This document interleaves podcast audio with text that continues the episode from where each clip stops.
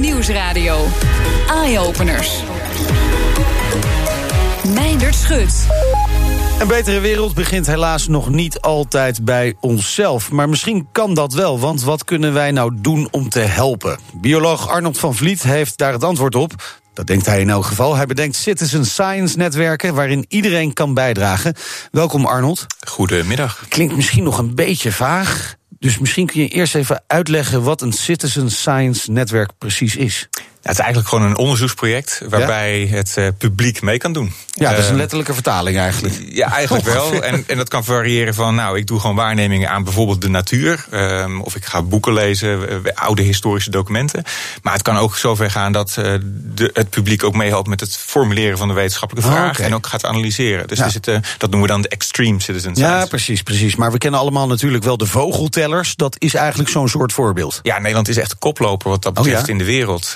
Misschien samen met de Engelsen als het gaat over de dichtheid aan vrijwilligers. Dat zijn er echt uh, ja, tienduizenden, honderdduizenden. Alleen in mijn projecten al zijn er meer dan ja, of enkele tienduizenden mensen actief geweest. Wauw. Ja, je hoort wel eens vaak dat voor wetenschap computers aan elkaar gekoppeld worden. En dat heel veel verschillende computers van, van gewone burgers ook gebruikt worden voor wetenschap. Maar jullie gebruiken eigenlijk de, de mensen zelf, de hersens van de mensen zelf. De hersenen en de kennis, uh, ja. maar ook alweer die computers en Toch die telefoons wel. van die mensen. Dus het is natuurlijk een fascinerende tijd op dit moment. Nou. Iedereen met zijn eigen computers en telefoons. Uh, je hebt gewoon een soort laboratorium in je broek zitten. Ja, en daarmee kan je dus heel veel informatie zien. Je kan heel snel dingen leren, uh, maar je kan ook heel snel waarnemingen doorgeven. Of gewoon je camera gebruiken uh, in, in het toestel. Kun je een paar voorbeelden geven van, van die projecten die je gestart bent? Nou, een van de projecten waar ik in 2001 al ben, mee ben begonnen, samen met verschillende partners, is het de natuurkalender. Kijken we naar wat gebeurt wanneer waar in de natuur. Ja. Um, om te kijken wat is het effect van klimaatverandering op natuur en dan op onze samenleving. Um, maar ook tekenradar is een, uh, ja. een zeer succesvol netwerk geweest met tienduizenden mensen die teken beter doorgeven. In relatie met de ziekte van Lyme uh, bijvoorbeeld. Samen met het RIVM weer. Uh, essentaksterfte, sterfte van de S op grote schaal. Een hele belangrijke boomsoort in ons land. Ja.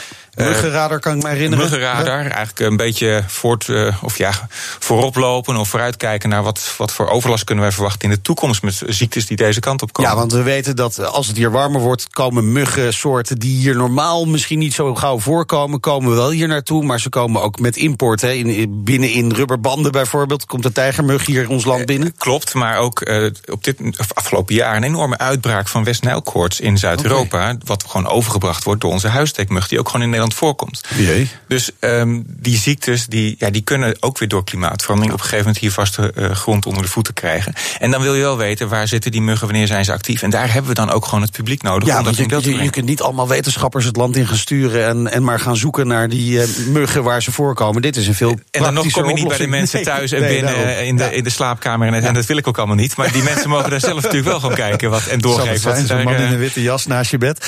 ja, precies. Voor hele andere zaken. Uh, uh, Grow App is een van de laatste toevoegingen. Ja, dat is, Wat kan daar precies mee? Ja, eigenlijk heel leuk. Wij willen weten van hoe loopt die dynamiek in de natuur. Wanneer komt het blaadje aan de boom, wanneer vallen ze eraf, heel simpel gezegd. Ja. Um, dat konden, wel, konden mensen al doorgeven via de natuurkalender. Maar nu met het Globe-programma, wereldwijd netwerk, uh, met scholieren ook. Maar kan nu iedereen overal een foto maken van een boom, een, een, een, een, tuin of wat dan ook. Mensen over de hele wereld? Ja, in feite mensen over de hele wereld. Op dit moment de meeste in, uh, in Nederland al. Zo'n 10.000 10 locaties al. We hebben het hier ook ontwikkeld.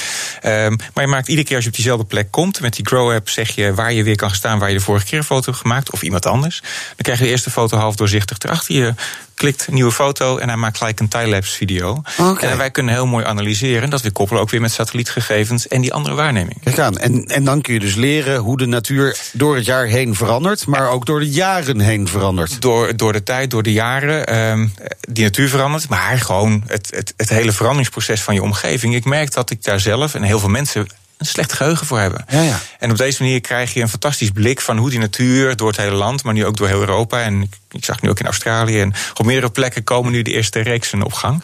Uh, dus dat is uh, ja, fascinerend om op die manier heel veel data te vergaren en, en dus ook kennis. Ja, en, en, dan, en hoe vaak moeten ze dan een foto maken? Is dat elke maand? Ja, het liefst uh, elke dag natuurlijk. Maar als je het ja. gewoon elke maand of desnoods vier keer per jaar. Maar dan moet wel een regelmaat in zitten. Hoeft zelfs niet eens. Okay. Wij kunnen dat gewoon weer, weer analyseren. Maar hoe, hoe frequenter, ja, hoe leuker het is ook om weer terug te kijken en vergelijken met vorig jaar. Ja. Dit jaar met die droogte was dat natuurlijk heel mooi om te zien hoe die Nederland vergeelde, verdroogde. En dat zag je perfect terug op die, ja. op die foto's. Maar, maar kun je er dan ook conclusies uit trekken? ja, we zien dus dat dat groeiseizoen tegenwoordig al bijna een maand langer is dan dat het uh, zeg uh, 50 jaar geleden was. Toen waren er ook al mensen actief met het doorgeven van dit soort waarnemingen.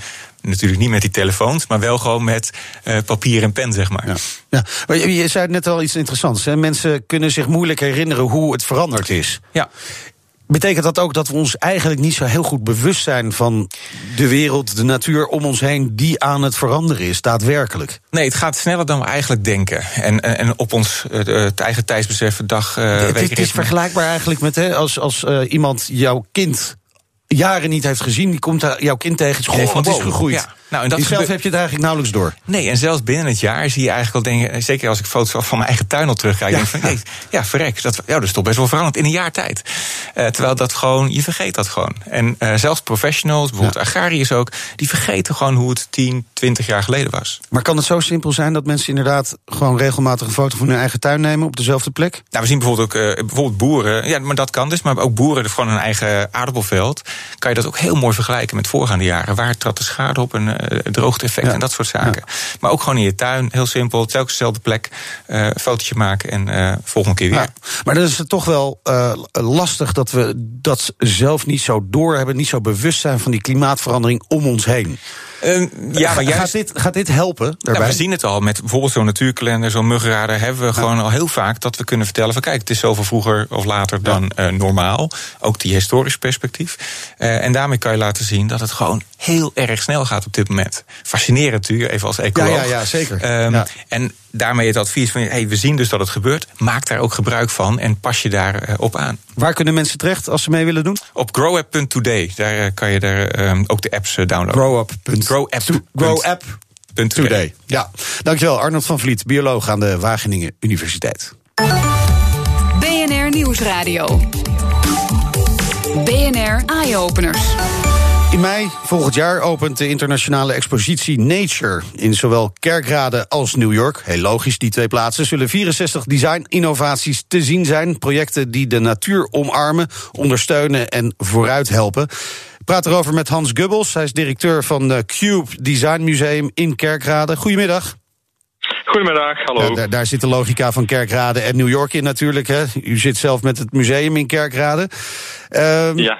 Sinds wanneer zijn designers zoveel met natuur bezig? Nou, de designers zijn natuurlijk al langer met natuur bezig. Alleen uh, de designers hebben tegenwoordig door allerlei wetenschappelijke uh, onderzoeken die er plaatsvinden, allerlei technologische ontwikkelingen, hebben ze de mogelijkheden om de natuur beter te begrijpen. Dus beter van de natuur te kunnen leren. Of meer in de grondstoffen te kunnen veranderen, waardoor we toch als designers veel beter ja, zeg maar, de natuur kunnen helpen. En daarmee ook natuurlijk onze plek op de aarde voor de toekomst misschien wat, wat meer zeker kunnen stellen. Ah, kijk, daar zit dus ook wel echt een, een, een positieve gedachte achter om de natuur weer te helpen. Wat voor soort projecten kunnen we straks gaan zien? Nou, er zijn inderdaad, zoals gezegd, 64 projecten, heel divers. Uh, maar ja, misschien een voorbeeld te noemen, een, project waarin we door juist wetenschappelijk onderzoek de natuur beter zijn gaan begrijpen, is eigenlijk uh, het feit dat uh, een bepaald soort slakken, de Dusky Arion slak, die, die scheiden een bepaald soort slijm af waarmee die zich aan het oppervlak vast ja. kan hechten als er een aazeter in de buurt komt. Nou, daar zijn designers mee aan de slag gegaan, die hebben gekeken wat voor materiaal dat is.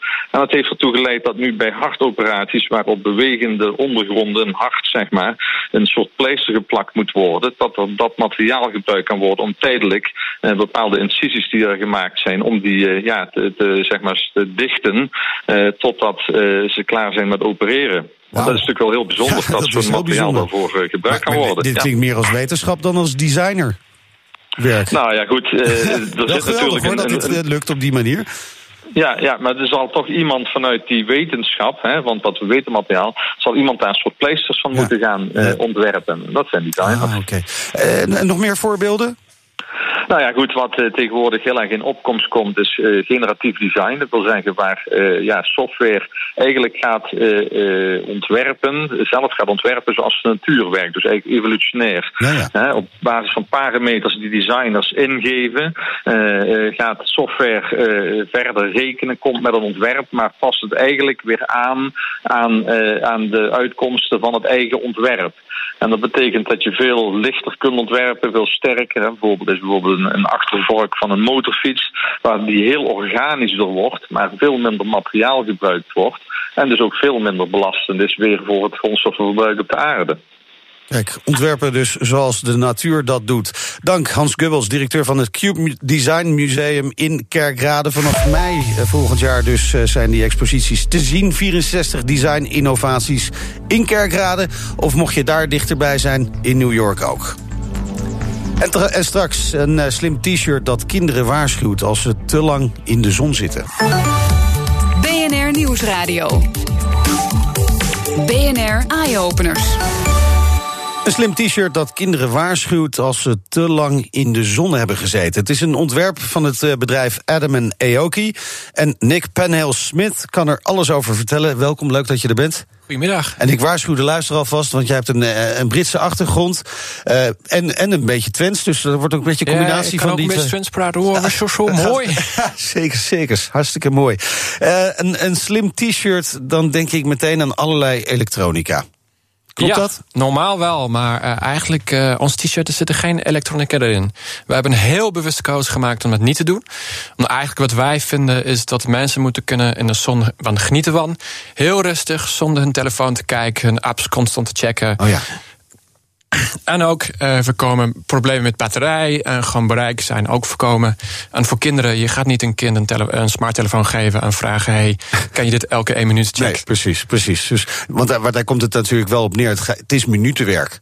Ja, ja nou, het is niet minutenwerk, maar je moet, je moet even gewoon uh, goed in de gaten houden. Omdat ja. eigenlijk zijn wij in Nederland en ook in Engeland...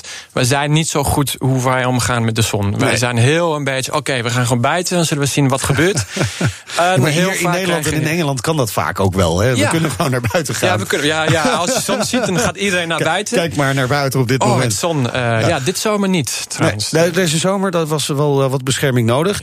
geen elektronica dus, maar hoe werkt het dan wel? Bill. Dus uh, je moet het zien als een soort van tweede huid. Dus er zijn twee elementen erin. Het eerste element is een photochromic element. Ja. Dat betekent dat als er gevaarlijk UV-straling is, dan krijg je een kleurverandering. Er staat iets dat heet die Iracema uh, action spectrum. In, Engel, in, in Engels noemen we ja. dat de sunburn action spectrum. Okay. En de kleurverandering is gelinkt aan dat. Maar het is niet alleen maar dat. Omdat natuurlijk als je alleen maar buiten gaat en je krijgt een kleurverandering, als er uh, gevaarlijke UV-straling, heeft eigenlijk geen zin. Je gaat gewoon mij vertellen, Nick. Ja, binnen vijf minuten krijg je een verandering en ik ben ja. lang niet uh, verbrand. Dus die tweede element is eigenlijk, um, het is een vertraging. Dus wij hebben samen met specialisten uit Engeland op een uh, ontwikkeling gewerkt, waarin je krijgt ook een vertraging in die kleurverandering. En dat, daar kan je gewoon niet uh, rekening even houden met verschillende huidtypen. Dus ik ja, ben Brits, precies. ik ben zo spierwit. dus ik ah, je hebt nog geen rood haar, hè? dus nee, dat valt er mee. Een baard wel. Oh, ja? Die, ja, ja, ja, die heb ik wel. Dus ik, weet je, ik zie de zon en ik ben bijna rood. Ja. Maar dus ik, ik moet heel veel minder tijd in de zon zitten dan iemand, een African American ja. of zoiets. Het is niet dat de zon is minder gevaarlijk. Oké, okay, dus je kunt het instellen op huidtype. Ja. En uh, hij waarschuwt pas als het echt gevaarlijk begint te ja, worden. Voor een beetje voordat jij zonnebrand krijgt, ja, krijg je een rode, heel simpel. We hebben gebaseerd op stoplichten. Rode, gewoon uh, eigenlijk in een t-shirt zit een rode mouw. Voor kinderen heel makkelijk om te hun vertellen: als je een rode mouw krijgt, kom even mama en papa vinden. En we moeten actie ondernemen. Liefst willen wij gewoon dat mensen gewoon uit die zon komen. Ja. Maar op minst gewoon goed insmeren met zonnecrème. En, ja, of ergens in de schaduw, inderdaad. Ja. Dat is natuurlijk altijd het beste. Ja. Um, je, hoeveel huidtypes hebben jullie gedefinieerd? Uh, drie. Dus wij drie. hebben drie huidtypen. Is wij dat hebben... genoeg? Ja, het is niet, ja, het, het is niet ideaal, maar we gaan beginnen met drie. Ja. Omdat wij hebben gewoon de Fitzpatrick Skin uh, uh, scale gebruikt. Dus dat is 1 tot 6. Okay. Dus we hebben 1 tot 2. ja, ja. Op dat is 1. Uh, 3 en 4 is uh, nummer 2 en 5 en 6. En in de toekomst willen wij gewoon ook uh, alle 6 ja. doen. Maar, op maar hoe dan ook, je bent altijd op tijd eigenlijk. Ja, je bent altijd op tijd. En dat is het meest belangrijk ding.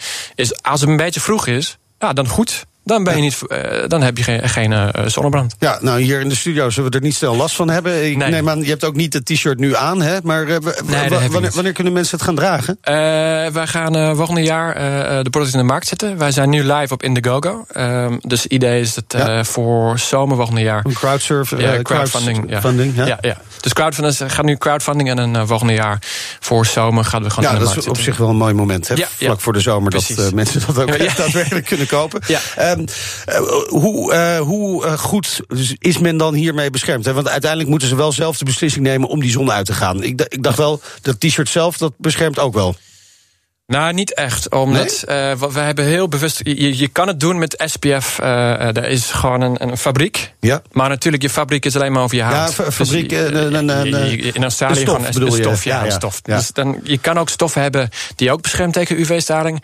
Maar je benen en je armen natuurlijk, die zijn in direct contact met de zon. Zeker als het zomer is. Dus, en als je kijkt naar gewoon de laatste zomer, was bijna elke dag zon, hartstikke mooi. Maar je hoeft alleen maar gewoon rond te lopen in, in Amsterdam. Ik, ik woon zelf bij Rembrandtpark. En je blijkt gewoon dat je bent in een soort van sci-fi movie met kreefmensen. Iedereen is knalrood. ja, we Ja. moeten wel iets aan doen. Omdat Ja. die cijfers zijn heel erg. Ja. Eh, er was een artikel in The Guardian eh, twee weken geleden. En dat zegt dat in de laatste 30 jaar in Nederland, alleen in Nederland, die percentage van mensen die zijn doodgegaan door huidkanker, is omhoog gegaan voor mannen van 60% en voor vrouwen 58%. Echt een goede reden Echt om daar iets aan te doen. En dus met onder andere dat kledingstuk. Ja. Nou, draag jij een jasje nu. Ja. Over je t-shirt heen, Ja, over je trui. ja, dat, dat zullen andere mensen. Moet dit eigenlijk niet gewoon in alle kledingstukken? Absoluut. Het doel is met eh, grote partijen zoals Nike en Adidas te werken.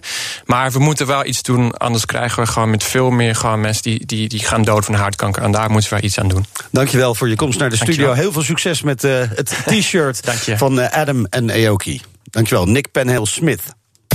De toekomstmakers. Steeds vaker nemen studenten van technische universiteiten een jaar vrij om aan een groot project te werken. Het succes van deze projecten zette de TU Eindhoven aan het denken. Kunnen we daar niet meer mee? Mijn naam is Bas Verkijk en ik ben eh, sinds twee jaar ongeveer betrokken bij de opzet van dit Innovation Space. Daar zijn we ook nu, hè? Ja, daar zijn we nu eh, absoluut. En vandaag gaan we officieel openen. Nou staan wij midden in een lab waar van alles gemaakt wordt. Dat is ook onderdeel van deze ruimte. Wat, ge- wat gebeurt er allemaal in de Innovation Space? Ja, Innovation Space is een beetje ontstaan eigenlijk van alle studententeams die we natuurlijk kennen. Dus we kennen die zonneauto die in Australië race, de elektrische motor die de wereld is rondgegaan. Storm. Storm, absoluut. Ja, en dat soort eh, initiatieven die ontstonden eigenlijk vanuit de studenten zelf. Dus studenten gingen op eigen initiatief gewoon een jaar hun studies stopzetten om eh, een voertuig te bouwen en daarmee een super toffe challenge aan te gaan. Ehm, maar dat was dus eigenlijk alleen maar voor studenten die inderdaad het zich konden veroorloven om zomaar een jaar hun studies stop te zetten. Ja, dat kan niet zomaar iedereen. Nee, dat kan niet zomaar iedereen. Eh, terwijl het wel een. Ja, je doet wel bepaalde ervaringen op in zo'n team die super waardevol zijn. En dat is ook wat de universiteit zag. Dus daarom willen ze eigenlijk die manier van leren eh, integreren in het onderwijs. En dat is wat we met Innovation Space willen doen. Ja, want jij bent zelf ook, je hebt zelf ook meegewerkt aan zo'n zo'n project geleid eigenlijk. Hoe was dat? Ja, dus ik was inderdaad eh, betrokken bij Storm. Dus inderdaad met een elektrische motor de wereld rond. Eh, en ja, wat je dan eigenlijk doet, is je zet een super grote uitdaging voor jezelf. terwijl je eigenlijk geen idee hebt hoe je die gaat voltooien. Want je hebt nul kennis van een elektrische motor bouwen. Maar omdat je die bepaalde uitdaging eh, wil volbrengen, wat dus in, in ons geval in 80 dagen de wereld rond was, dan moet je wel leren eh, om een motor te bouwen. Eh, en op zo'n manier leren, dus eigenlijk challenge-based. Dus leren omdat je op basis van een uitdaging is een super efficiënte manier van leren. Vooral als je dat vergelijkt met een tentamen waarbij je gewoon de dag van tevoren even de boeken in, induikt en de dag na het tentamen weer vergeten bent. Ja, en dit vergeet je nooit meer. Nee, we vergeten nooit meer hoe we een motor moeten bouwen. Nee, dus ja, die manier van leren, dat is echt iets wat we in Innovation Space willen gaan stimuleren. Deze nieuwe Innovation Space Ja. moet het dus eigenlijk mogelijk maken om voor leerlingen binnen hun studie ook zoiets te gaan doen, zo'n project. Ja, absoluut. Dus eh, wat we doen is, we bieden allerlei vakken aan. Waarbij dus eh, studenten van verschillende faculteiten, verschillende opleidingen bij elkaar komen. Want dat is ook iets heel belangrijks. Iets is wat je bij de studententeams ook heel erg had. Maar wat je eigenlijk normaal gesproken helemaal niet hebt in je studie. Dus inderdaad van verschillende eh, studies komen studenten bij elkaar om aan een bepaalde challenge, opdracht, vaak ook vanuit het bedrijfsleven, te werken. We zijn in een lab, dus er wordt hier van alles gemaakt. Bijvoorbeeld een robotische hulp voor mensen die nog steeds willen kunnen biljarten terwijl ze hun arm verloren zijn. Ja, inderdaad. Ja, dus dit is wel een heel mooi voorbeeld van een vak wat we aanbieden. En noem nou eens een project dat er nu loopt waar je zelf heel enthousiast van wordt. Uh, nou ja, ik doe zelf natuurlijk een project. Wat wij doen is eigenlijk een, uh, een soort spin-off van dat Stormproject. Dus we zijn nu met Spike uh, willen we eigenlijk andere bedrijven helpen met elektrische van voertuigen. Dus we willen zelf batterijen ontwerpen en produceren voor elektrische voertuigen. En dat is wel een heel mooi voorbeeld hoe je inderdaad ziet dat als je in zo'n soort studententeam zit, dat je ook een beetje geïnfecteerd wordt met het virus om te gaan ondernemen, om zelf dingen op te pakken. en dat ja, leidt dus tot een start-up in, in die vorm. Collega Carlijn Meijners in gesprek met Bas Verkijk van, het, van de TU Eindhoven... waar dus sinds kort de nieuwe Innovation Space is geopend. Tijd uh, voor de beste technieuwtjes vanuit de hele wereld. Daarvoor uh, spreken we zoals elke week met tech- en innovatie-expert Elger van der Wel. Elger, goedemiddag. Goedemiddag, Meijnert. Om te beginnen, Elger, ik hoorde dat Apple een interessante overname heeft gedaan. Ja, dat klopt. Apple heeft Silk Labs overgenomen. Dat is een bedrijf dat is gespecialiseerd in het ontwikkelen van toepassingen van kunstmatige intelligentie die lokaal op een, op een smartphone kunnen draaien. En dat is voor Apple handig omdat het bedrijf privacy heel belangrijk vindt en dus niet allemaal data van gebruikers naar de cloud wil sturen en daar willen, willen opslaan, maar okay. wil het echt lokaal veilig op die telefoon doen. Uh, Silk Labs heeft in het verleden al techniek ontwikkeld voor het herkennen van bijvoorbeeld mensen, gezichten en objecten, maar ook om uh, dingen in audio te herkennen. Techniek die ja. Apple ook wel een beetje in huis heeft, volgens mij. En wat Apple dan precies wil met het bedrijf is ook afwachten. Maar het zou zomaar kunnen zijn dat het eigenlijk gewoon gaat om de mensen die er werken. Dat het gewoon uh, ja, slimme ontwikkelaars zijn die ze heel graag willen hebben bij Apple. Oké, okay. okay. en dan uh, Elger, Elon Musk. Die is uh, klaar met boren. Ja, voor nu dan, hè. Oh, Elon okay. Musk die wil met zijn Boring Company, een van zijn vele bedrijven, tunnels aanleggen in dichtbevolkte gebieden ja. om mensen en zelfs hele auto's over rails te kunnen vervoeren met een snelheid van 250 km per uur. Dat is best wel snel voor, ja. voor een tunnel onder een stad. De in- en uitgang van zijn tunnel zou dan bestaan uit gigantische liften, die deze. Van die filmpjes van, ziet er vrij, vrij futuristisch uit.